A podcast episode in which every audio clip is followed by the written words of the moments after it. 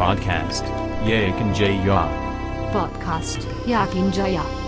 Podcast Yakin Jaya. dua satu ya selamat malam Pak Ilham malam. ya ini kita udah lama mungkin kita janjian tapi baru bisa terlaksana hari ini ya Pak ya yang Ya.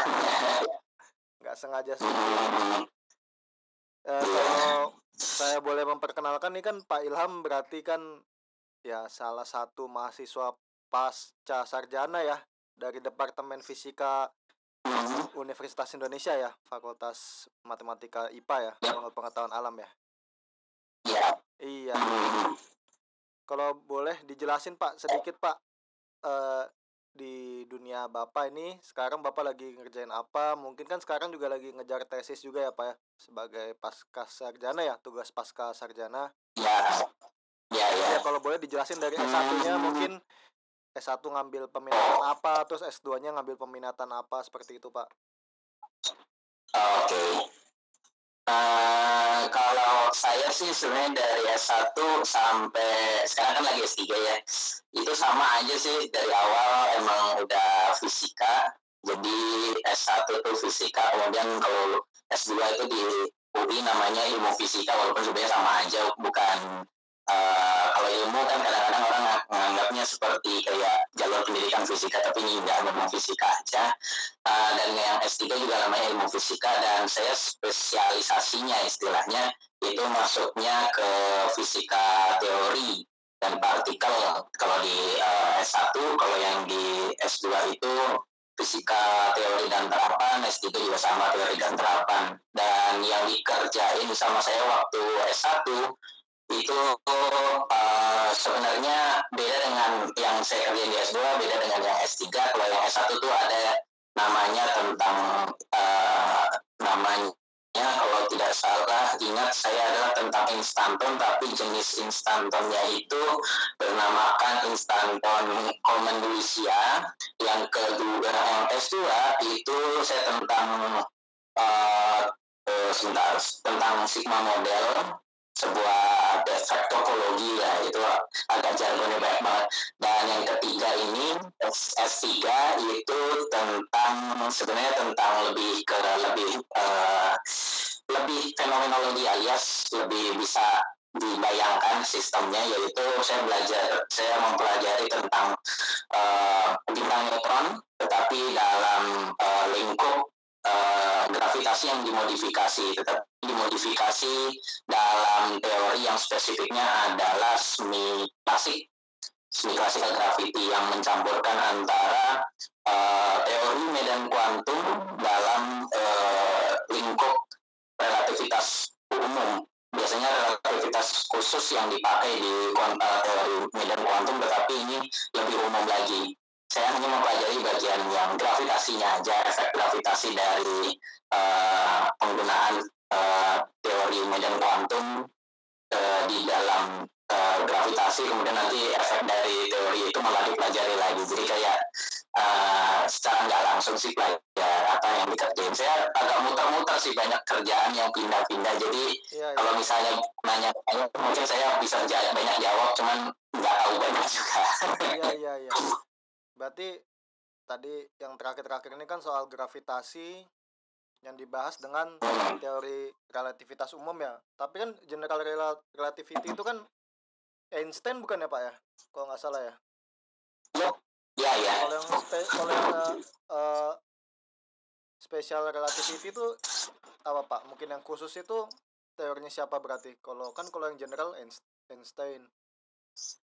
Eh, special relativity kan sebenarnya Einstein dulu. Yang pasti Einstein, kemudian general relativity itu 10 tahun setelah Einstein membuat eh, special relativity. Jadi Oh. dia mengkonstruksi teorinya lebih general lagi setelah 10 tahun, tahun 1915. Oke oke oke Lu- luar biasa nih ya pekerjaannya ternyata ya banyak bidang ilmu juga ya untuk ini melintasi semua bidang fisika kayaknya dipelajarin juga ya pak ya di pasca sarjana. Nah ini mungkin kita mau nanya sedikit Pak ya kan soalnya kita pernah lihat juga jurnal Pak Ilham di Google Scholar ya kalau nggak salah ya. Kita melihat ada ya pokoknya tesisnya sulit dimengerti juga lah sulit dipahami. Pokoknya tapi intinya tentang bintang neutron ya bintang neutron Iya. nah ini kira-kira. kalau bintang neutronnya yang dibahas tuh kira-kira yang seperti apa Pak apakah misalnya magnetar apa pulsar gitu atau mungkin bintang neutron biasa kayak gitu Eh, kalau dalam kasus saya masih dalam eh, kasus di mana bintang neutronnya malah dianggap tidak berotasi, malah lebih non fisis lah kalau dianggapnya. Uh, kemudian uh, uh, yang akhir-akhir ini saya kerjain malah dia berotasi tapi rotasinya nggak begitu rapid ya. Sedangkan eh, rapid itu maksudnya nggak begitu cepat. Sedangkan kan yang diketahui kayak pulsar itu luar biasa cepat. Jadi dia punya efek tambahan seperti kelihatan mercusuar kalau dilihat dari teleskop. Sedangkan yang saya kerjakan itu lebih ke arah sistem yang lebih idealnya. Yes ya lah lebih diangan-angan gitu. Tetapi eh, kita menjelaskannya atau men, eh, apa ya namanya menginvestigasinya dalam bukan lagi di relativitas umum yang sudah eh, well established atau udah bagus banget lah eh, kokoh banget fondasinya. Sedangkan yang ini eh, modifikasi dari relativitas umum yang mana memang masih eh, masih eh, istilahnya belum ada satupun modifikasi dari relativitas umum yang eh, final gitu sampai sekarang. ah, Walaupun ada beberapa yang nggak final. oh bingung saya juga ini masalahnya ya kita Iya. cuma tahu secara umum aja bintang neutron lah apa Iya. mungkin ya ini tapi dalam hal aktivitas bintang neutronnya itu ya ada yang berotasi ada yang tidak berotasi ada yang Iya. intinya kan sebenarnya Hmm. bintang neutron tuh bintang yang sudah mati waktu ya kayak bintang yang udah Iya. dying ya dying stars ya Ya. Jadi kalau bintang neutron itu kan sebenarnya evolusinya ya. Misalnya kita melihat dari bintang dari sebelum bintang itu terbentuk kan dari istilahnya dari sebuah nebula atau gas gitu ya yang kemudian gravitasinya dia nanti membuat eh, setelah sekian waktu dia berotasi membuat semacam apa eh, menggumpal gitu ya gasnya makin memanas makin menggumpal panas jadi bintang setelah memanasnya cukup tinggi untuk bisa membuat efek eh, nuklir di fusi eh, fusi nuklir bukan fisi nuklir tapi fusi nuklir di mana dua hidrogen gabung menjadi satu helium dan energi nuklirnya yang luar biasa juga. Dan setelah itu dengan segala jenis bintang kan ada beberapa ada banyak lah masanya itu tergantung dari mungkin gasnya yang dilingkupinya gitu ya. Jadi bintang itu bisa ukurannya bisa kecil sekali dan masa mat- matahari kita itu tergolong yang paling ke- eh, termasuk kecil juga gitu bintang yang kecil sedangkan relatif yang besar besar itu eh, ada yang sampai berapa ratus masa matahari gitu ada yang kalau nggak salah kalau di video itu tuh ada perbandingan ukuran matahari aja kayak udah titik eh, dibandingkan yang salah satu salah dua yang terbesar gitu warnanya udah biru juga Iya pernah pernah lihat Ah, juga ada yang ya. lihat. Nah, berarti betul pewarna bintang itu Hmm. Sesuai spektrum warna aja ya. Jadi semakin besar biasanya semakin biru ya itu ya. Atau semakin panas ya? mungkin? Eh, enggak, jadi kalau semakin besar itu saya kurang tahu juga ya bagaimana mereka astronomer untuk mengukurnya semakin besar kayak gimana karena kita eh, ada yang namanya mungkin kayak luminositas alias luminositas itu seperti kayak lampu kita eh, terang apa enggak ketahuan ya dibilangnya luminositasnya tinggi itu baru terang gitu kalau rendah itu berarti redup Nah itu gimana caranya mereka untuk mengukur eh, besar apa enggak itu kan tergantung masa. Sedangkan warna itu eh, sebenarnya berhubungan dengan kalau nggak salah jenis eh, apa ya reaksi yang berada di dalam bintang itu sendiri gitu. Jadi ada yang warna biru, katanya yang biru tuh lebih panas daripada yang merah gitu. Tapi tetap aja ukurannya bisa sama-sama besar walaupun warnanya beda itu. Ah iya iya. iya. Oke oke. Wah ini menarik sekali. menarik sekali ya. Pokoknya masalah perbintangan nih rumit juga ya. Ternyata observable stars yang mungkin neutron stars itu mungkin kan yang pernah diketahui NASA itu yang pernah dilihat tuh cuma seukuran Pulau Manhattan gitu ya mungkin cuma kayak 20-30 kilo gitu ya lebarnya. Cuma itu katanya masanya paling berat ya di malah lebih berat daripada bumi Betul. sendiri ya itu ya. Oh jauh jauh. Malah s- apa ya masa bintang neutron itu istilahnya eh, lebih berat bahkan daripada dua buah matahari itu yang diketahui beberapa apa data dari astronomer itu ada yang ukurannya mungkin 1,4 dari matahari jadi mataharinya dikompres kecil banget itu jadi bintang neutron itu ada yang seperti itu. Dan itu pun ukurannya kalau di dia kalau dia mungkin melayang di atas Jakarta kemudian disinari matahari itu bayangannya itu paling sejakarta doang atau bahkan kurang. Jadi kecil sekali tapi masanya lebih lebih masif daripada matahari. Nggak kebayang sih kayak gimana efeknya kalau ada di, di atas Jakarta. Iya. Iya ini wah mena- menarik sih menarik menarik sekali sih bisa punya ya mungkin juga sebuah kebanggaan juga ya bisa meneliti bintang neutron juga kalau nggak salah kan juga dibantu dosen-dosen UI juga ya Pak Ilham ya waktu Oh, iya, betul. ya. dibantu juga ya Iyalah, banyak, banyak yang PhD lah ya kan kita lihat di jurnal tersebut ada yang PhD duluan ada yang udah doktoral Ya. ya udah segala macam lah ya udah ilmunya udah Ya. komplit ya mungkin Pak Ilham Pak Ilham apa ikut lah ikut di dalam jurnal itulah ya membantu. Iya. Heeh. tapi gini ya Pak ya kalau kita sebagai masyarakat awam tadi ya Hmm, kita ngebayangin mungkin masa satu bintang gitu ya atau ya mungkin lah kita anggap eh, dari kacamata kuda kita masa satu matahari. Tapi ketika bin- kita bicara bintang neutron itu masanya bisa ribuan kali matahari. Atau misalnya ada bintang yang lebih seribu kali dari matahari. Atau malah mungkin kayak di tengah-tengah galaksi kita di pusat galaksi kita ada black hole juga. Yang ju- ya yang ukurannya besar sekali. Ini kan ukuran-ukuran ini udah nggak bisa dicerna oleh manusia sebenarnya gitu ya.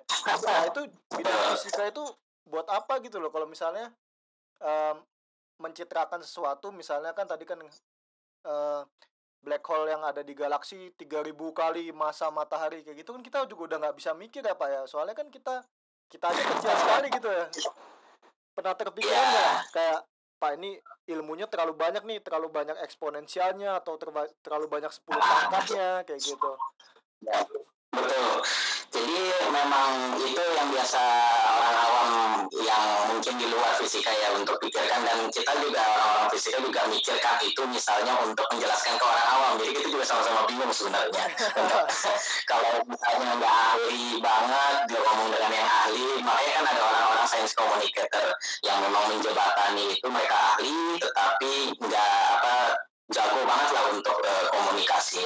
Ah, dan sebenarnya kenapa ada orang-orang yang senang belajar tentang hal tersebut menelitinya sampai ke tingkat yang luar biasa gitu angka-angka yang udah nggak kebayang lah kalau di kalau dijadiin kalau sejuta tuh kan bisa satu juta itu kan nolnya ada enam. Iya. nah ini dibilangnya 10 pangkat ratusan gitu ya nolnya udah ratusan udah nggak kebayang gitu. Satu misalnya satu lembar kertas itu nolnya juga udah full sendiri. Iya. Eh, Nah itu yang jadi rada apa ya mungkin bahasanya gini. Jadi teori fisika kita itu adalah suatu eh, teori yang bahkan di dalam komunitas fisika ya itu bukan sesuatu yang bisa diterima oh kita misalnya udah membuktikan ini dan udah pas ya ada yang berpikir ya udah gitu aja. Nah ada yang benar-benar pengen tahu sampai se, se- apa ya limit atau batasan dari teori-teori yang dia ketahui itu pengen diketahui apa yang terjadi di daerah yang super eh, super tinggi atau super besar atau super kecil. Kalau kuantum te- teori kuantum kan super kecilnya kayak gimana pindahnya? Iya. kalau gravitasi itu super besarnya kayak gimana? Nah itu itu sebenarnya kenapa ada orang-orang yang pengen kayak gitu? Karena untuk melihat apakah teorinya itu konsisten di segala jenis eh, wilayah yang bisa kita bayangkan. Nah, menariknya adalah memang eh, di wilayah-wilayah yang tersebut itu memang kelihatannya science fiksinya itu bisa dipakai gitu untuk bikin cerita yang bombastis ya. iya Eh, tapi tapi kalau kita bayangin itu lebih ke arah seperti kayak bagaimana Einstein zaman dulu itu membayangkan tentang cahaya yang eh, istilahnya cahaya itu apakah dia bakalan eh, istilahnya kenapa dulu kan ada teori namanya ether ya? Sebelum Einstein membuktikan bahwa ether itu nggak ada adalah karena cahaya itu dianggap merambat dalam ether. Nanti kalau eh, cahaya merambat dalam ether itu istilahnya dia bisa kecepatannya lebih dari kecepatan cahaya dan bisa berkurang. Iya. Nah, kenyataannya dari dari eksperimen namanya eksperimen interferometer Michelson Morley yang intinya adalah sebenarnya mereka berusaha mengecek apakah ada kecepatan cahaya yang lebih cepat daripada yang konstan yang kita ketahui. Kenyataannya mereka pakai eksperimen itu dari segala jenis settingan alat dari gunung ke gunung mau di di apa diuji di mana-mana gagal juga. Jadi eksperimen Morley itu menceritakan tentang kegagalan dari limit kecepatan yang diperoleh untuk cahaya. Sedangkan cahaya sendiri kan nggak punya massa. Jadi kayak cahaya kalau cahaya sendiri nggak bisa lebih cepat daripada itu, maka yang punya massa nggak pasti udah nggak akan nyampe kecepatan cahaya gitu istilahnya. Iya. Oh ya, pokoknya intinya tentang bagaimana konsistensi menguji sebuah teori ya. Jadi misalnya teori Einstein dipakai dalam skup alam semesta, harusnya di kuantum, di fisika kuantum juga harusnya terpakai ya kayak gitu ya mungkin deh. Iya, iya. Ini, ini Uh, ada jadi kaitannya nggak? konsistensi tersebut. Ah, Pak, mohon maaf ya. Ini ada kaitannya nggak ya? Misalnya dengan eh, pikiran para fisikawan tuh. Jadi ini alam semesta yang kita ketahui misalnya sekian triliun tahun cahaya ya, yang mungkin luasnya ya. Mhm. Itu semua bergerak dan beredar dengan hukum fisika yang sama. Tapi ketika mungkin di luar observable uni- universe kita atau mungkin di luar universe yang kita ketahui, hukum fisikanya bisa berbeda. Apakah bisa seperti itu, Pak? Kira-kira? Hmm, dalam teori relativitas umum, hal yang kita bisa observasi memang terbatas ya. Oh ya. Nah, kalau di relativitas umum dibilangnya yang tidak kita observasi, maka hukum fisikanya sebenarnya sama aja. Cuman karena nggak bisa kita observasi, belum tentu dia bisa beda. Tapi kenya, tapi di eh, dari general relativity atau relativitas umum, dia eh, mengeset bahwa yang bisa diobserv dengan yang tidak bisa diobserv atau yang bisa dilihat dengan yang tidak bisa dilihat ya sama aja gitu beda dengan misalnya teori tentang namanya multiverse itu. Kalau Oh, multiverse iya. itu Ah, sebenarnya beda banget itu sebenarnya. Hati-hati itu. iya. itu beda banget. Ini soalnya kan Pak Ilham juga belajar fisika teori ya. Ini kan mungkin ada string teori, multiverse teori dan segala macamnya itu Hmm. dalam dunia kuliah akhirnya diresapi oleh Pak Ilham sebagai apa gitu? Apakah sebagai cuma sebatas ilmu pengetahuan, apakah jadi dogma ataukah sebagai inspirasi atau gimana Pak? Eh, teori-teori yang lain seperti itu. Betul. Memang ya campuran antara semuanya kali ya. Jadi kawan campur agak sedikit dogma. Maksudnya dogma itu istilahnya kalau dalam fisika orang yang misalnya nggak bergelut daerah situ mungkin hanya tahu misalnya kayak saya tentang multiverse. Saya kan nggak mempelajari tentang multiverse. Iya. itu sebenarnya ada teori yang sangat diterima. Kenapa harus ada multiverse? Itu adalah karena suatu teori lain yang sebenarnya konsisten banget dengan hasil observasi kita. Nah konsekuensi dari eh, tersebut malah bikin multiverse sebagai konsekuensi yang paling wajar Iya. dan jadi apakah dia jadi dogma ya tentu saja mungkin jadi dogma bagi saya tapi saya terus bilang ya dikasih apa garam sedikit lah mungkin bisa dipercaya bisa enggak gitu Iya. karena saya kan nggak ngitung sendiri Iya. kemudian apakah dia jadi ya lebih besar daripada mungkin kayak teraplikatif atau kayak gimana saya juga nggak tahu ya yang istilahnya kan rata-rata saintis pengen tahu doang gitu Iya. Ini wah, ini menarik juga ya, Pak. Berarti kan gini, berarti eh, ya kita bisa bilang teori multiverse ini boleh dijelasin nggak, Pak? Ke bahasa Indonesia yang standar banget nih ya. Bahasa Indonesia yang sederhana teori apa yang menjadi pendukung teori multiverse itu, Pak? Tadi kan Bapak bilang konsekuensi dari teori lain gitu. ha. Betul. Jadi teorinya itu sebenarnya didukung atau bukan didukung ya adalah konsekuensi yang namanya teori inflasi yang terjadi untuk yang yang untuk menjelaskan beberapa problem di teori Big Bang yang jika tidak mem, apa, tidak memasukkan unsur inflasi di dalamnya.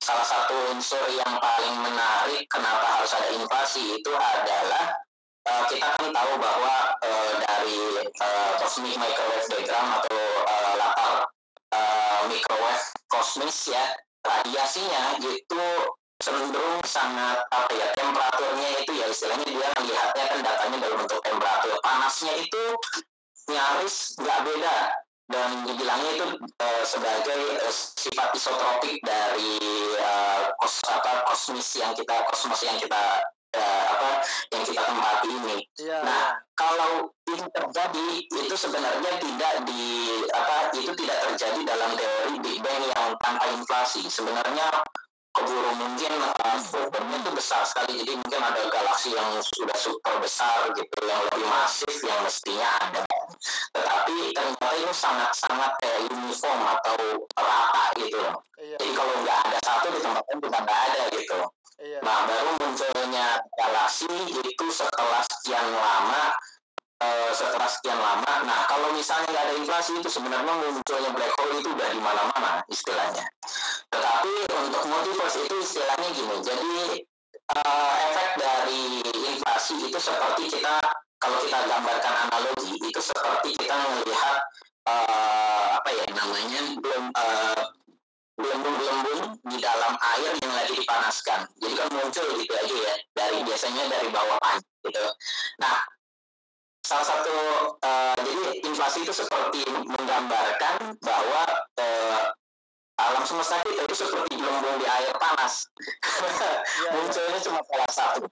Nah, efeknya adalah dia melihatnya sebenarnya eh, dianggapnya sebagai bahwa kalau misalnya inflasi itu terjadi, maka secara termodinamika, hukum termodinamika mestinya itu juga terjadi di alam di daerah yang kita nggak bisa observasi jauh sekali istilahnya. Iya. Eh, itu juga terjadi, jadi muncul lagi Big Bang lain, Big Bang lain, Big Bang lain, jadi Oh kayak banyak God. banget. Yes, yes, yes, yes. Itu konsekuensial banget ya Pak ya teori itu ya berarti dengan teori multi multiverse ya.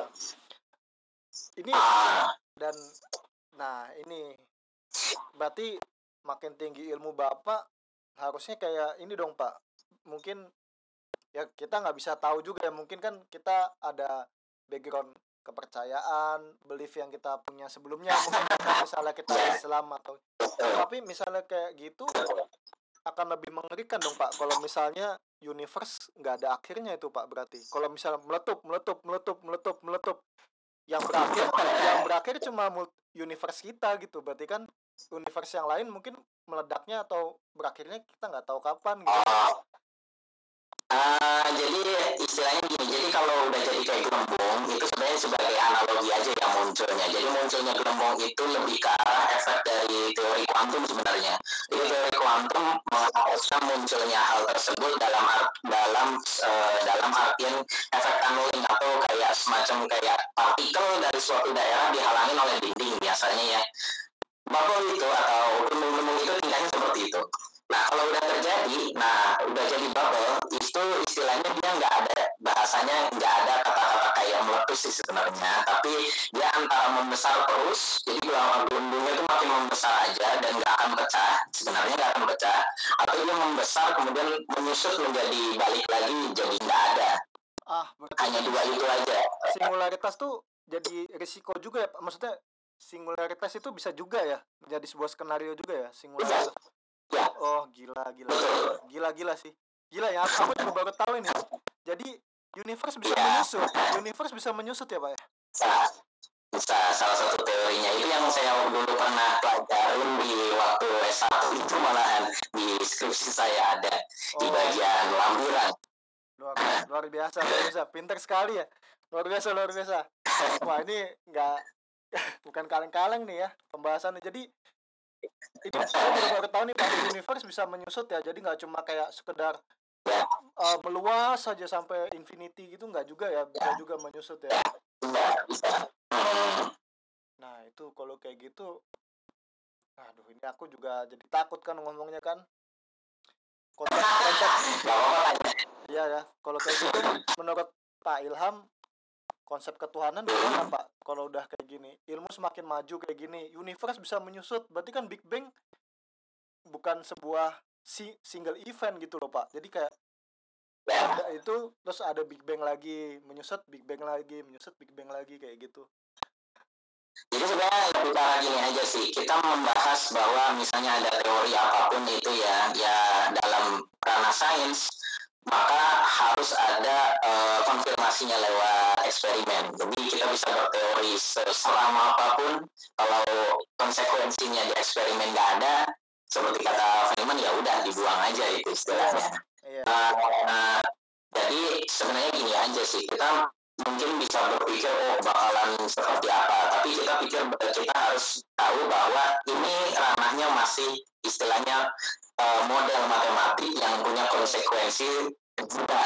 Tapi apakah itu benar-benar terjadi? Ya model matematik itu harus memberikan prediksi eksperimen yang sama dengan yang yang dikonfirmasi oleh eh, alam semesta ini. Alam semesta ini nggak peduli dengan model matematika yang kita punya, tapi dia hanya peduli dengan dirinya sendiri. Maka kita berusaha menjelaskan sebagus mungkin dengan eh, apa pun yang kita punya, habis itu diverifikasi. Dan itu kerjaan dari seluruh manusia yang ada. Aduh itu emang aduh mantap ya ini kita baru ngomong sebentar cuma pembahasan kita udah terlalu tinggi nih pak. Aduh saya juga. Ini tadi bapak juga sempat sebut ya kita mungkin kita kembali lagi apa ya untuk interferometer bapak tadi udah ngejelasin juga ya mungkin ya. Itu kan salah satu bukti bahwa interferometer berarti kan Einstein ya teori Einstein itu bahwa gravi- gravitasi gelombang itu ada ya gelombang gravitasi apa ya. Hmm, Iya, interferometer itu bisa mungkin dijelasin sedikit Pak di, untuk orang awam tuh kenapa Hmm. harus ada gravita, gravitasi yang bergelombang seperti itu? Kenapa nggak ada gravit? Kenapa gravitasi nggak lempeng-lempeng aja gitu nggak? Harus ada riaknya. kan? Iya, Ah, jadi sebenarnya fisikawan udah mem- apa ya memikirkan segala jenis bentuk gelombang lah ya. Ada yang namanya gelombang eh, transversal, ada yang namanya gelombang longitudinal dan gini aja sih gampang gampangnya. iya, Gelombang longitudinal itu seperti kita lihat eh, fungsi sinus kosinus yang kayak gelombangnya jelas banget Iya. gitu ya. iya, iya. Nah, Transversal. ada yang trans Nah, kemudian eh, itu sorry, saya saya agak kebalik antara transversal dan longitudinal. Eh, sorry, longitudinal tuh yang yang seperti gelombangnya itu kayak per, tapi di eh, di kayak per yang panjang yang luas itu dimainin kayak gelombang kayak itu. Nah itu gelombang yang mungkin bagi orang awam lihatnya ya lempeng-lempeng aja gitu dan nggak kelihatan. Yang kita observasi itu seperti gelombang yang kelihatan gitu aja yang kayak sinus kosinus seperti itu sebenarnya Ah, tipenya. iya, iya, iya, iya. Hmm. Jadi eh, teori Einstein terbukti berarti setelah mungkin 100 tahun lebih apa ya? 100 tahun lebih belum Oh, sama. Iya, Iya, luar biasa. Luar biasanya adalah teori Einstein itu dia eh, prinsip awalnya itu sangat-sangat sederhana. Dia hanya Iya. mengasumsikan tentang masa dari apa sorry gaya dari hasil akselerasi secara lokal tidak bisa dibanding dibedakan dengan eh, gaya dari gravitasi. Misalnya kalau kita berada di ruang angkasa terus berada di dalam roket yang jatuh bebas, itu kayak ngerasain eh, nggak ada bedanya dengan misalnya di ruang angkasa eh, nggak ada apa pun di sekitar kita. Jadi kita kayak melayang, tapi kalau misalnya kita jatuh bebas ke arah bumi, roketnya juga itu seperti kayak vakum juga melayang, nggak ada bedanya sama sekali ada bedanya. dan itu yang namanya prinsip ekivalen tapi yang lemah dibilangnya weak equivalent principle ada yang strongnya saya agak lupa kalau yang strongnya agak lebih teknis tapi intinya tuh salah satunya hanya itu. Kemudian yang kedua adalah sebenarnya konsistensi dari eh, apa namanya mekanika Galilean atau bahasanya mekanika Newton. Mekanika Newton yang berusaha di eh, di apa digabungkan dengan teori eh, alias yang teori yang menjelaskan tentang cahaya itu sendiri cahaya cahaya dan listrik dan magnet. Jadi berusaha digabungkan jadi satu malah membuat apa eh, konsisten eh, membuat suatu konsistensi itu malah membuat eh, suatu teori yang luar biasa bahkan bisa mempelajari tentang gravitasi itu sendiri. Karena luar biasa memang apa ya apa, apa ya istilahnya asumsinya tuh simple banget tetapi konsekuensinya itu luar biasa dan sampai sekarang karena mungkin simpelnya itu dites kayak apa tetap aja uh, lulus gitu. Iya iya. Mungkin itu uh, istilahnya kan ada ya hal keberuntungan di dunia ini ya karena Einstein merumuskan teori yang general maka dia jadinya akan ya terus diuji terus benar diuji benar sampai salah gitu ya pak ya. Ha. Nah, lucunya fisika itu gitu. Nah, kita punya teori, malah kita uji sampai dia salah sebenarnya tingkahnya. Salah Iya. satunya itu yang lucunya. Kayak gitu.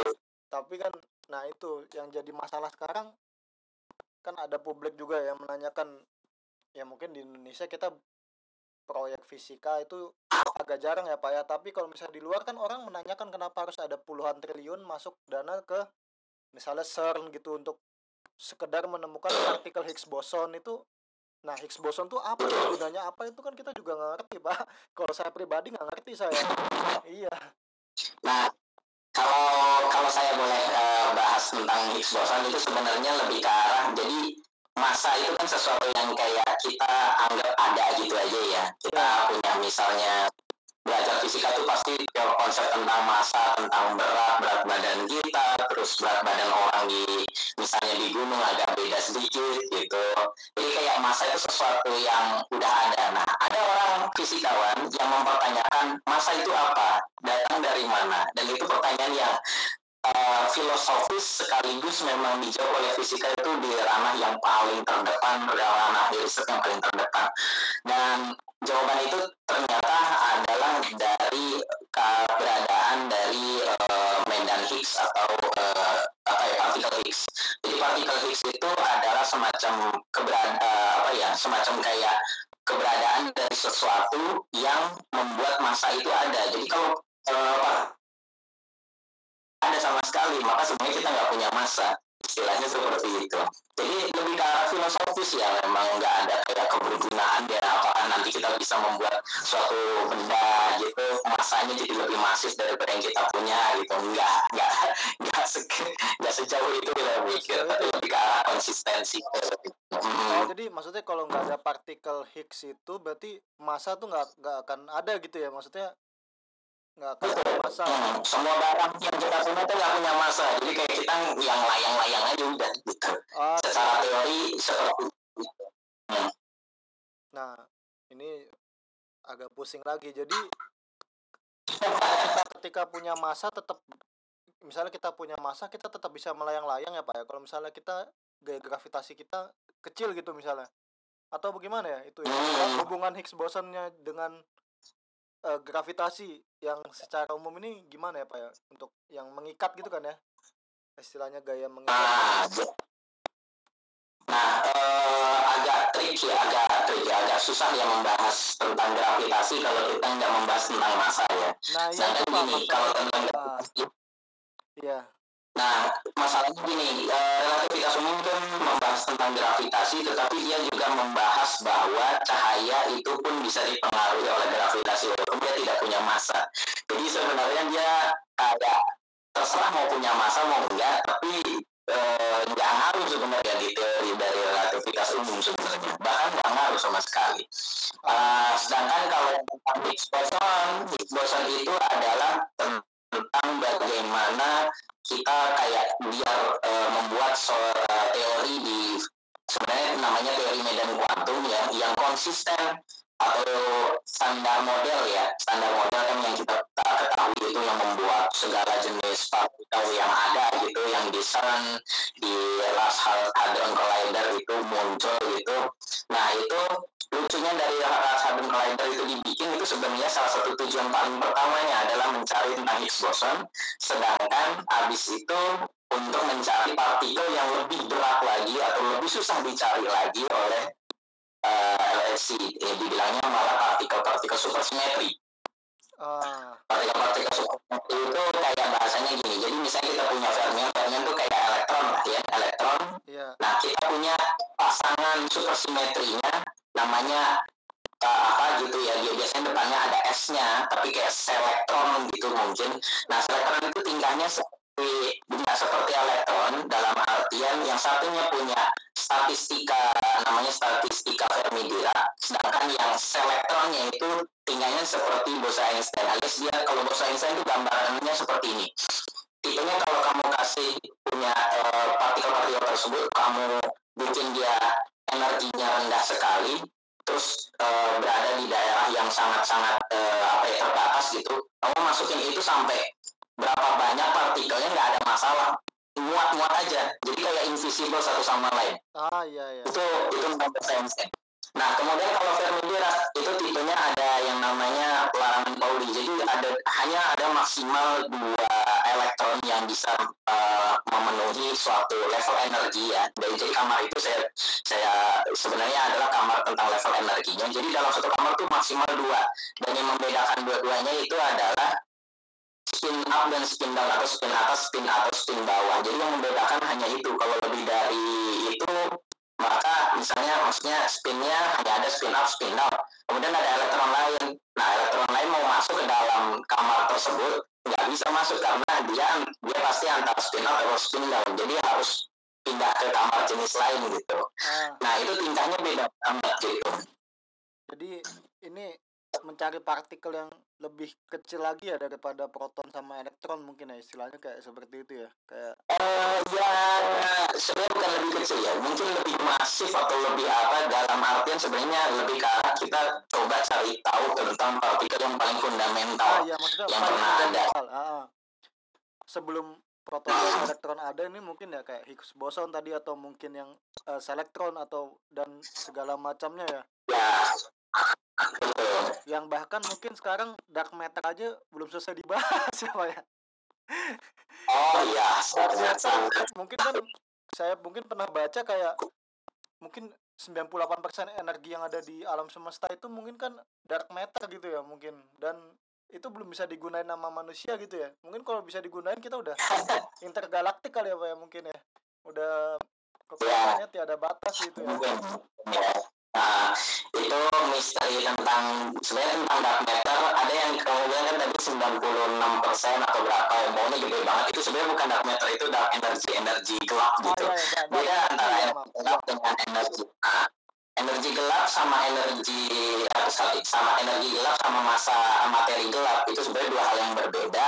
Dalam artian gini energi gelap itu adalah semacam bahwa misalnya kalau kita screening atau kita scan satu alam ini ada kontribusi dari eh, partikel apa teori kita maksudnya partikel-partikel yang bisa dikonstruksi oleh teori-teori yang kita yang udah pakem banget gitu itu hanya paling banter cuma 5% kemudian ada dark matter suatu materi dark matter itu sebenarnya yang membuat galaksi itu punya ukuran segitu. Jadi kalau galaksinya ukuran segitu tuh mestinya bahasanya gini.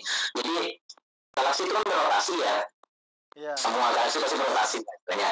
Nah, rotasinya itu entah kenapa, istilahnya kalau kamu mengukur tentang kecepatan e, bintang yang berada dekat pusat dengan yang di makin jauh, itu secara teori dan observasi yang jauh itu ternyata lebih cepat daripada yang teori yang kita tahu. Jadi iya mestinya kalau kalau bahasanya kayak spiralnya tuh makin ke pusat tuh makin kencang, tapi makin jauh tuh makin lambat gitu. Nah kenyataannya adalah pusat makin kencang, makin jauh nggak begitu kencang ternyata. ah iya Dan yang membuat makin kencang itu adalah materi gelap. Dan satu lagi tentang eh, apa energi gelap itu sebenarnya tentang eh, namanya ini eh, apa ya percepatan. Jadi tentang alam semesta itu. Jadi yang dibilangnya dengan Big Bang kan biasanya dari kecil, dari awal Big Bang kemudian membesar lewat inflasi terus diem. Nah nanti habis itu istilahnya ukuran universe itu jadi lebih besar lagi dan lebih besarnya lagi anehnya itu dipercepat. Diperce- untuk mempercepat mempercepat ukurannya biar jadi gede itu butuh energi kan. Nah energinya itu sebesar, sebesar itu dominannya luar biasa. iya Jadi kayak ada suatu teori yang kayak yang kita tahu ya mungkin hasil dari observasi yang kita tahu ternyata kebanyakan yang kita ketahui itu cuma berapa ya? Lima lima dari seratus itu lima dari seratus itu seperti kayak kita kenal dari 20 orang yang benar-benar kita kenal itu cuma satu dari 20 orang iya istilahnya. iya benar. Sama sekali. Jadi emang ya mungkin dark matter dark energi juga ya masih banyak ya. Yang ini sejauh yang kita tahu ya mungkin kita nggak tahu apa apa mungkin ya nah, seperti itu seperti se- sebenarnya yang kita rasakan di daerah fisika teori. Kita nggak tahu apa-apa gitu makin kita tahu malah makin kita malah bingung sendiri gitu. Iya jadi kayak maksudnya ah ya universe ini maksudnya banyak teka-tekinya juga terus dari ya, dari segala aspek kadang-kadang kan kan kita jadi sedikit menanyakan. Nah ini Pak saya juga mau nanya juga nih. Kalau di fisika teori ini ada teori nggak ya yang kayak menegaskan kemungkinan atau ketidakmungkinan adanya spesies lain gitu loh yang menduduki alam semesta gitu. Soalnya kan kalau berdasarkan, statistika aja kan kita udah triliunan galaksi, triliunan bintang dan ah das itu katanya ya mungkin bisa jadi ada lah ya. Tapi kan kalau dari segi teorinya gimana itu? Nah, itu yang pernah ditanyakan oleh salah satu fisikawan paling terkenal pada zaman Manhattan Project itu, Enrico Fermi. Nah, Enrico Fermi itu bilang itu paradoksnya itu, tepatnya itu. Kita punya alam semesta dengan banyak galaksi, bah- mungkin tata suryanya banyak, cuma istilahnya baru kita, yang kita kita nggak nemu sama sekali alien istilahnya. Ya, Nah itu sebenarnya puzzle yang memang belum terpecahkan sampai sekarang dan salah satu yang berusaha memecahkan itu yang mempopulerkannya adalah Carl Sagan. Tahu Carl Sagan yang astronomer yang terkenal waktu tahun berapa itu semenjak perang dunia perang Vietnam kalau nggak. Dia dia menceritakan tentang itu untuk sebenarnya untuk mengatakan bahwa perang itu sama sekali nggak berguna mendingan kita ngurusin tentang apa nyari tentang alien gitu. Coba aja cari di coba aja cari videonya. Jangan kalau aku bilang sih mendingan buku ya buku kita baca kan lama ya. Videonya aja cari di internet itu. Kalau saya itu sangat-sangat itu dokumenter yang sangat-sangat populer bahkan sampai sekarang. Makanya kan ada yang namanya kan Cosmos dokumenternya ah, Cosmos. Nah itu sampai tiga, tiga season kan sekarang. Yang pertama tuh season awal masih gambarnya masih jadul banget. Dan saya masih suka yang season awal karena gayanya Carl Sagan menjelaskan tuh santai tapi eh, poetik gitu loh. iya. Sedangkan kalau yang baru-baru kan Neil deGrasse Tyson agak cenderung lebih cepat gitu ya. Ah, tapi Iya, tetap iya. aja keren. Ya. Iya. Eh, Carl Sagan pendapatnya kan gak usah perang. Mungkin kita lebih baik cari kemungkinan kehidupan di galaksi lain atau mungkin kehidupan lain kan di alam semesta seperti itu. Ah, Nah, jadi gini sebenarnya Sagan itu mengatakan kayak gitu untuk seperti itu tuh untuk ini sebenarnya untuk membuat orang lain tertarik berdis- berdiskusi sama dia. Makna yang aslinya dari kata-kata dia adalah bagaimana caranya alam ini membuat organisme yang ada di bumi ini ada. Itu lebih ke arah bagaimana ceritanya bisa ada organisme pertama yang akhirnya nanti secara teori evolusi membuat manusia itu sendiri. Itu mekanisme yang sampai sekarang masih misteri. Betul. Dan itu yang itu yang berusaha dicari tahu oleh Carl Sagan dan dia mempopulerkannya. Jadi lebih ke bagaimana sih caranya manusia itu bisa ada lingkupnya planetnya itu kayak gimana eh, apa sifat-sifatnya kayak berapa persen air, karbon dan apa dari segi yang sangat-sangat kimiawi dan ya anorganik nggak ada hidup-hidupnya sama sekali terus bisa bikin jadi sampai sekarang tidak ada manusia gitu jadi lebih ke arah mempertanyakan bagaimana caranya eh, kita ada sedangkan istilahnya di itu untuk membalas bahwa eh, kayak manusia itu terlalu sombong lah istilahnya bikin perang di mana-mana seakan-akan tahu segala sesuatunya. Padahal yang kita ketahui itu sama sekali nggak ada nggak ada apa-apanya bahkan tentang diri kita sendiri. Bagaimana kita kok bisa muncul gitu jadi itu semacam kayak quest atau apa ya perjalanan bagi seorang kasagen terutama untuk menjelaskan gimana sih manusia itu terjadi dan itu kan masih sampai sekarang nggak ada dan ya salah satu jawabannya yang paling yang cukup memuaskan ya agama ya penjelasan dari agama nah itu Iya, iya betul, betul. semacam itu Ah, ah. ya berarti kan tadi saya sempat nangkap dua ya. Kalau Carl Sagan itu kan mungkin fisikawan yang sekarang ya dulu yang dulu mungkin jadi public scientist ya. Scientist yang jadi ini publik lah kayak Neil deGrasse Tyson. Tapi kalau Enrico Fermi ini kayaknya fisikawan nuklir ya kayaknya ya Pak ya. fisika nuklir ya? Jadi nuklir fisikis ya? Ah, fisika nuklir yang fisika nuklir yang luar biasa jenis. Jadi dia bisa eh, apa ya dia dia sangat ahli dalam wilayah eksperimental. Tapi teorinya tuh cair banget otaknya gila banget di situ. Dan dia itu bisa istilahnya gini yang salah satu yang paling menarik dari pekerjaan dia itu adalah dia mengukur bagaimana intensitas dari bom atom yang yang timnya bikin hanya dengan melihat apa, intensitas cahayanya ya apa cuman sepersekian detik kemudian dia mengukur bagaimana kekuatan dari bom atom yang dia pakai hanya dengan ngejatuhin kertas. Itu jenius banget gimana caranya ngitungnya itu. Dan dia hanya dengan kayak begitu sampai sekarang apa yang dia hitung itu off apa ya eh, miskalkulasinya tuh kecil banget. Jadi eh, itu ya istilahnya orang luar biasa Fermi sendiri eh, Enrico Fermi itu menanyakan bahwa bagaimana ceritanya hal yang kita ketahui itu sama sekali nggak bisa menjawab tentang eh, tentang manusia itu sendiri bagaimana dia muncul gitu. Dan bagaimana ceritanya kok banyak eh, galaksi terus banyak tata surya mestinya ya kan? Kok nggak ada manusia lagi yang lain? Jadi istilahnya kalau kita nyari ngasih sinyal ke mereka untuk komunikasi kok nggak ada jawaban gitu sampai sekarang. Ini aku juga ya mungkin saya jadi lihat Enrico Fermi beda lagi ya. Wah dia emang encer banget ya mungkin ya. Tapi dia mungkin karena situasi perang kan dia awalnya mungkin tinggal di Italia cuma jadi dapat sampai dapat Nobel meninggal pun di Amerika ya Pak ya ternyata ya. Ya ya ya di Amerika di betul. Amerika. Stanford juga dia mengajar. Oh ya, ya pokoknya lah.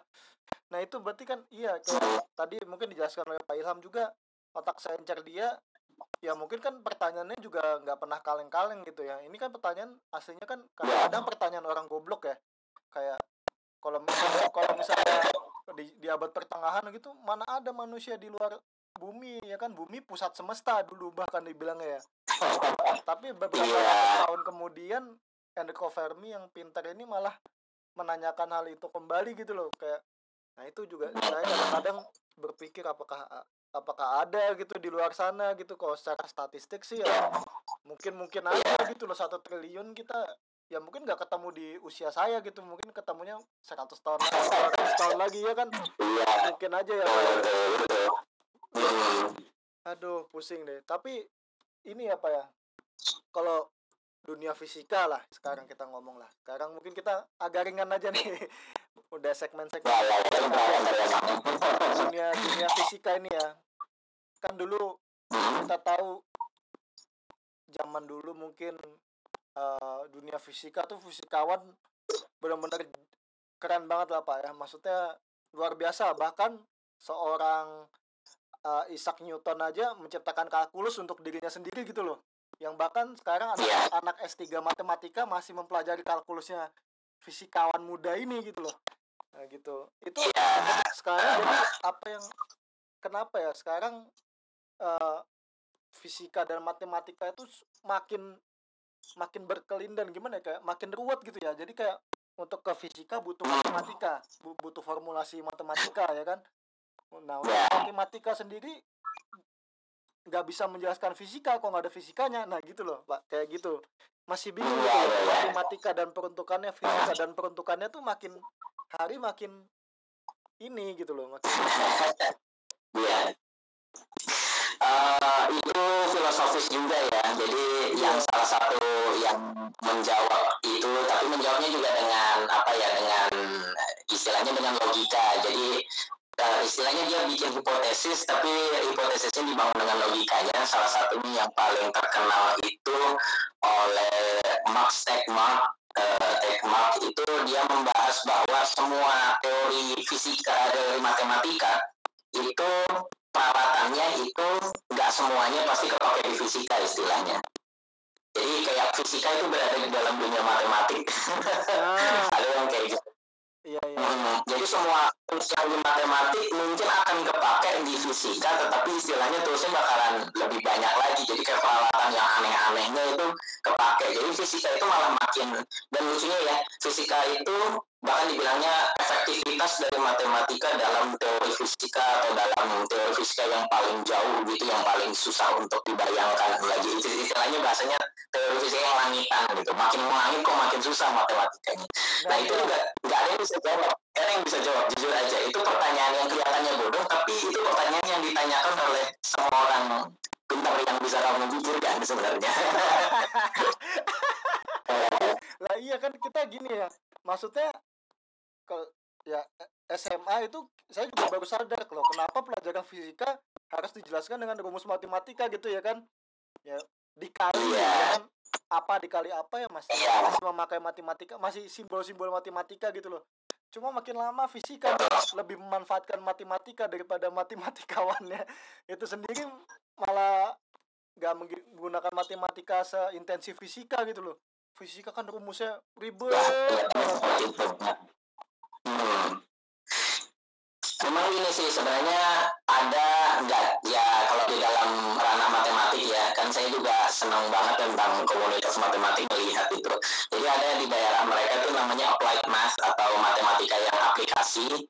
Nah itu membahas nggak cuman fisika sebenarnya, tapi ranah biologi, ranah game teori, daerah ekonomi. Ekonomi itu matematiknya juga gila loh, hati-hati. iya iya Kita nggak tahu aja di Indonesia, tapi di luar negeri gila Iya, juga. saya lupa maksudnya kalau dalam ilmu ya, kalau ilmu sosial matematika udah menguasai banget ya pak ya fisika nggak ya mungkin sedikit masuk aja ya nggak nggak nggak bisa terlalu bisa banyak matematika ya. Iya. Malah lebih sebenarnya sih lebih hardcore Eh, dan jangan salah teori computer science itu yang makin kekinian itu paper-paper mereka rata-rata lebih matematik. Jadi rata-rata anak-anak computer science nggak bisa baca paper mereka sendiri. Malah minta anak-anak matematik yang disuruh baca gitu. Karena katanya bagi anak matematik ya ini makanan ya. Bagi kita anak matematik ya belum tentu makanan juga sih karena iya. karena terus yang makin ke sini makin baru. Hati-hati dengan istilah kata-kata matematik ya. Kalau fisika itu istilahnya mereka menemukan fenomena baru dengan menggunakan istilahnya mengukur dari eh, kevalidan teori mereka dengan matematika ya. Jadi matematika itu sebenarnya sebagai alat aja. Dan alat yang ada ternyata yang kayak eh, yang sederhana di kita ketahui gitu misalnya kita butuh kayak vektor kita butuh kayak tensor matriks yang aneh-aneh begitu makin lama makin ruwet makin aneh simbolnya itu karena memang efektivitas dari matematik yang ada itu udah nggak udah nggak udah nggak nggak mumpuni jadi nggak efektif sama sekali. Padahal itu sebenarnya adalah untuk membuat prediksi yang kita eh, kita hitung dengan yang eksperimen itu hanya menjadi sebuah angka yang bisa kita verifikasi yang punya error gitu. Iya. Punya error bar. Wow ini jadi intinya sebenarnya ya ah, deterministik. Jadi deterministik banget sih sebenarnya tingkahnya orang fisika itu. Nah berbeda dengan kayak filosofis. Kalau filosofis kan uh, atau filosofer kan biasanya nggak membahas dari sisi matematikanya tetapi lebih ke arah survei tentang apa kalau bagi saya kayak survei ya.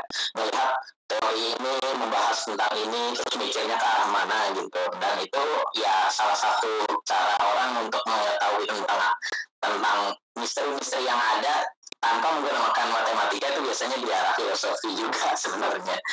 Itu wah tapi kalau ngomongin apa eh sim eh, persamaan matematika filosofi saya keinget pak. Mungkin pernah dengar Nick Bostrom itu kan dia yang pencetus teori simulasi ya simulation teorinya. Ah ya ya ya ya dia pakai persamaan matematika kalau kalau nggak salah sih pak kayaknya pakai persamaan matematika ya. Wah itu ribet banget nih saya aja baru baca nih. Jadi kayak inti dari simulasi argumen itu kan harus ada fraksi fraksi level tingkat pendidikan manusia atau tingkat peradaban manusia lalu nanti ada dibagi dengan apa dengan apa. Aduh itu bener-bener matematikanya pusing Pak. pusing pak pusing banget nggak bisa dibaca orang awam sih itu. Walaupun dia filosofi ya mungkin ya ya, ya itu ranah istilahnya itu ranah teknis yang memang kita orang awam bahkan orang fisika sendiri yang nggak akan bisa ngerti ya. Kecuali orang-orang yang emang berusaha membuktikan bahwa teori itu benar dari segala sisi dan nggak bisa dilawan di- bahkan dari ranah matematik. Dan ranah matematik itu istilahnya bahasa paling universalnya untuk berargumen kan? Iya. Jadi argumennya kalau matematik udah valid ya argumennya juga kuat gitu. Cuman mungkin biasanya yang diserang itu adalah metode menghitungnya. Metode statistik itu paling banyak yang menjadi debat sebenarnya kalau dalam dunia riset ya. Dan itu yang menjadi problem di ranah biologi. Salah satunya biologi sama fisiologi kalau nggak salah. Jadi metode yang mereka pakai itu bahkan untuk menjalani penelitian sebelum itu kamu harus bikin metodenya yang sebagus mungkin dan itu pun udah dihajar habis-habisan untuk metode aja belum mulai penelitiannya itu. Iya. Iya iya iya. Jadi emang Hmm, apa metode dalam dunia sains itu kan berarti harus diuji dulu ya Pak ya sebelum eksekusi gitu ya sebelum eksekusi penelitiannya. Dan itu melibatkan mungkin persa formulasinya harus tepat lah segala macam itu yang pusing sekali gitu loh. Iya, pusing pusing pusing. Iya pusing pusing pusing pusing. Aduh. Iya kalau nah ini saya mungkin ada pertanyaan terakhir sih pak ya. Mungkin ke depannya rencana kan sekarang lagi S3 nih pak. Ya mungkin lagi S3 ya mungkin setelah S3 ada rencana keluar negeri mungkin atau gimana untuk melanjutkan post postgrad atau gimana gitu? Ya memang kalau dalam dunia ya memang biasanya apalagi kalau di luar negeri adalah setelah S3 tuh biasanya untuk mendapatkan jabatan ngajar di universitas itu eh, harus menjalani namanya eh, postdoc gitu bahkan ada orang kalau sampai postdoc.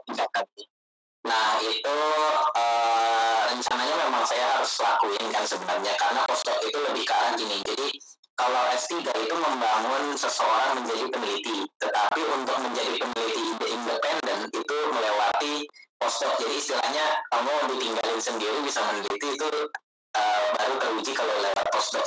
Tapi itu postdoc itu istilahnya sebagai sebuah pekerjaan ya, bukan suatu pendidikan tambahan ya, bukan suatu pendidikan lebih tinggi, tapi itu lebih ke arah pekerjaan. Jadi orang dibayar untuk meneliti, dia dibayar untuk meneliti. Tetapi untuk bisa meneliti seperti itu mungkin punya kualitas yang harus dihitung oleh universitas masing-masing.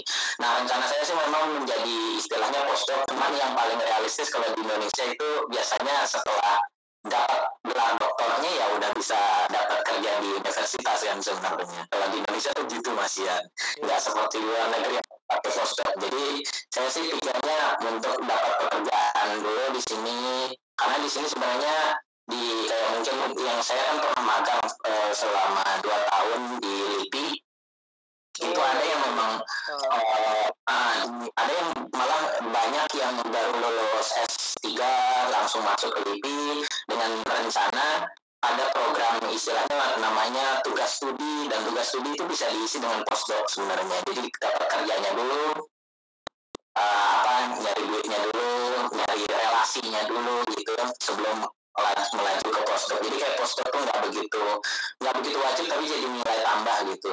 Di Indonesia nggak begitu diharapkan. Jadi istilahnya istilahnya saya pengennya malah saya ngalamin S3 itu untuk biar dapat kerja dulu. Karena kalau kerja misalnya dengan ijazah S2 sekarang kerjanya makin lama makin susah dengan yang bidang yang saya minati. Kan saya pengennya jadi peneliti. Nah jadi peneliti itu minimal pasti S3 iya, iya, iya. iya dan itu ya susah. Iya Eh, apa ya mungkin tahu sendiri lah ya mungkin kita bersama kan di dunia penelitian di Indonesia kan ya belum seber, seberkembang barat lah ya mungkin masih harus ada sokongan dari LIPI entah dari pemerintah ya harus ada inovasi-inovasi tapi kan ya itu ya. Sokongan ya masyarakat sokongannya mau nggak mau nggak cuma nggak cuma dana harus ada orangnya juga. Jadi Iya. ya ya ya, ya pengennya jadi SDM-nya itu sebenarnya. Nah, iya memajukan Indonesia dari arah sana. Iya, nah itu kembali lagi Pak, kalau misalnya udah ada SDM mungkin budgetnya ada, nanti misal bikin LHC di Indonesia ditentang ya kan? Dananya buat apa itu? Ya kan Bapak bilang sendiri partikel Higgs boson gunanya tidak tidak ada. Karena kita kita udah bisa nyiptain Higgs boson belum sih Pak? Kita kan belum bisa kan? Harusnya kan kalau kita bisa Iya. nyiptain Higgs boson kita bisa nyiptain Big Bang lagi gitu loh. Kita nggak usah takut. nah iya kan ya Higgs boson iya di observe aja ini kita tapi itu pun udah puluhan triliun mungkin habisnya itu udah maksudnya biayanya itu gimana ya Pak? fisika tuh bener-bener unit unit Ya, science yang sangat itu makan biaya itu ya pak ya hebatnya besar mereka sekali. yang mengerjain bagian proposal tuh gitu ya. Jadi mereka bisa meyakinkan sekian banyak orang tetapi orang yang diyakinkan tuh sebenarnya udah diyakinkan dulu dengan masa zaman dulu. Zaman dulu tuh kan ada ya masa zaman perang dunia ya di mana di dalam perang dunia itu kan teknologi itu jadi berkembang luar biasa pesat gitu. Iya. salah satu yang paling kan eh, salah satunya ya bom atom lah kemudian yang dari ranah engineering yang paling saya suka itu sejarah tentang kapal perang. Zaman dulu. Itu luar biasa kapal perang orang bisa bikin kapal yang bisa menampung pesawat. Itu seberapa gede aja saya masih nggak kebayang. Baru akhir-akhir ini eh, main game yang berhubungan dengan kayak gitu jadi pengen ngeliat beneran. Dan itu kan pakai engineering level tertinggi pada zamannya. Dan bagi saya itu kayak bahkan Indonesia pun belum punya ya sayangnya. Padahal kita kan punya banyak wilayah yang lebih banyak lautan tapi kita nggak punya angkatan laut yang punya senjata yang sebegitu mumpuni sebuah, sebuah kapal perang gitu. Itu kayak memalukan bagi saya sebenarnya.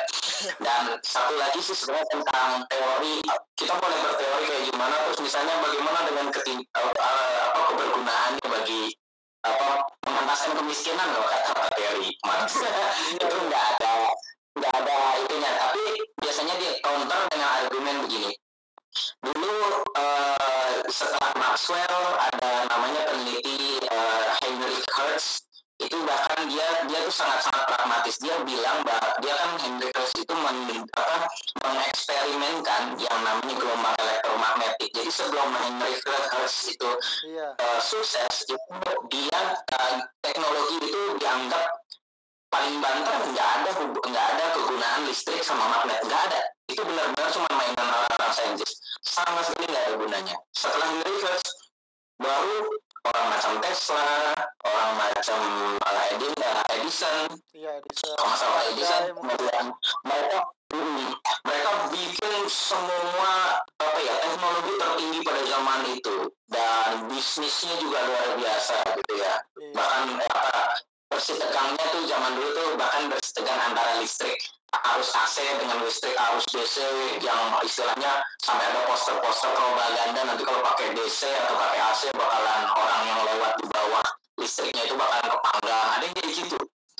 Oh tapi iya itu pada zamannya Hertz pada zamannya Hertz dia bilang ya ini teori nggak ada gunanya iya iya. sebegitu pragmatisnya padahal dia jenius sekali dan dia bilang nggak ada gunanya gitu Eh, ada kalau nggak salah animasi yang menggambarkan tentang kehidupan Hertz itu dengan sebegitu apa ya sebegitu empatinya ya bahwa apa yang dia kerjakan itu sebenarnya bagus banget jadi teori yang mungkin kita anggap sama sekali nggak ada gunanya ya 10 tahun, 100 tahun kemudian malah kepake terus-terusan gitu. Bahkan kita nggak mungkin hidup tanpa listrik kan sekarang.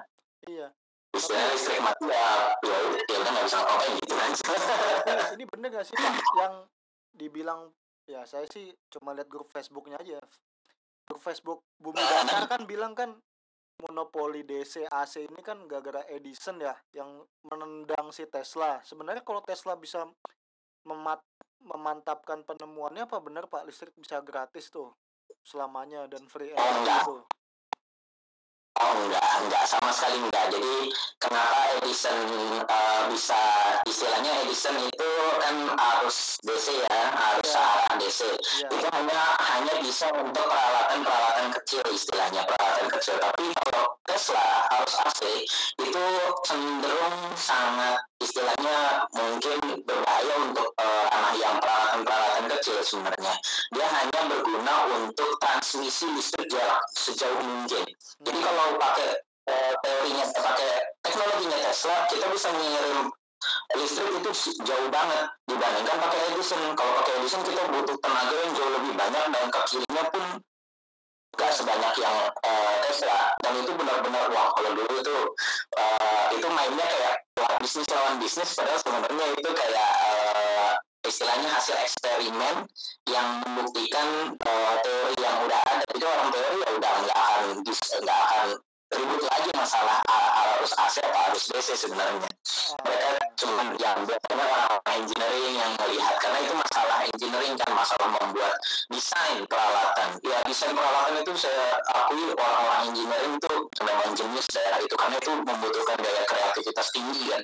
Dan itu enggak apa ya bukan pekerjaan semalam. Itu gila itu jujur aja. Hmm. ya kan maksudnya jadi jadi eh, ini pak jadi menarik lagi kan soalnya kan Elon Musk bikin apa pabrikan mobil mereknya Tesla gitu kan? Tanah Amerika di mana orang menjunjung Edison dengan General Ele- Electricnya.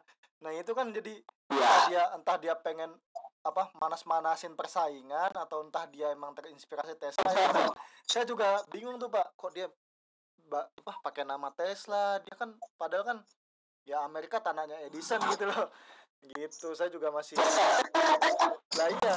Ya kita dari Eropa sih ya. Iya itu yang kadang-kadang jadi bingung kan ini apakah ada pema ada yang dipanas-panasin atau gimana?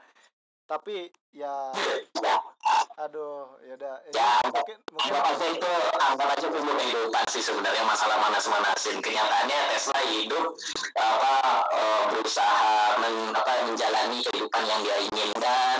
Edison menjalani kehidupan yang dia inginkan dengan kesusahannya ya kita coba cari sisi positifnya aja kalau sisi Iya. negatifnya mah orang bisa banyak cerita ya Iya benar-benar. Ya eh, yaudah eh, ini nggak terasa udah satu jam nih pak ya satu jam lebih kita berbincang. Ini sungguh seru sekali sih. banyak Untuk perbincangannya kita mengalir lah ya mungkin ya dari tadi dari tesis awal sampai Edison nggak jelas ini udah juntrungannya udah. ya mungkin terima kasih kepada Pak Ilham untuk diskusi malam ini. Ya nanti mungkin suatu saat kita bisa bincang-bincang lagi ya Pak kalau misalnya ada penemuan terbaru atau mungkin gimana gitu ya. Mungkin iya, iya, ya, betul. ada yang bisa kita gali lagi gitu dari alam semesta gitu. Terima kasih ya Pak. Sama-sama, sama-sama. Terima kasih atas waktunya untuk Ya, saya. ya, terima kasih.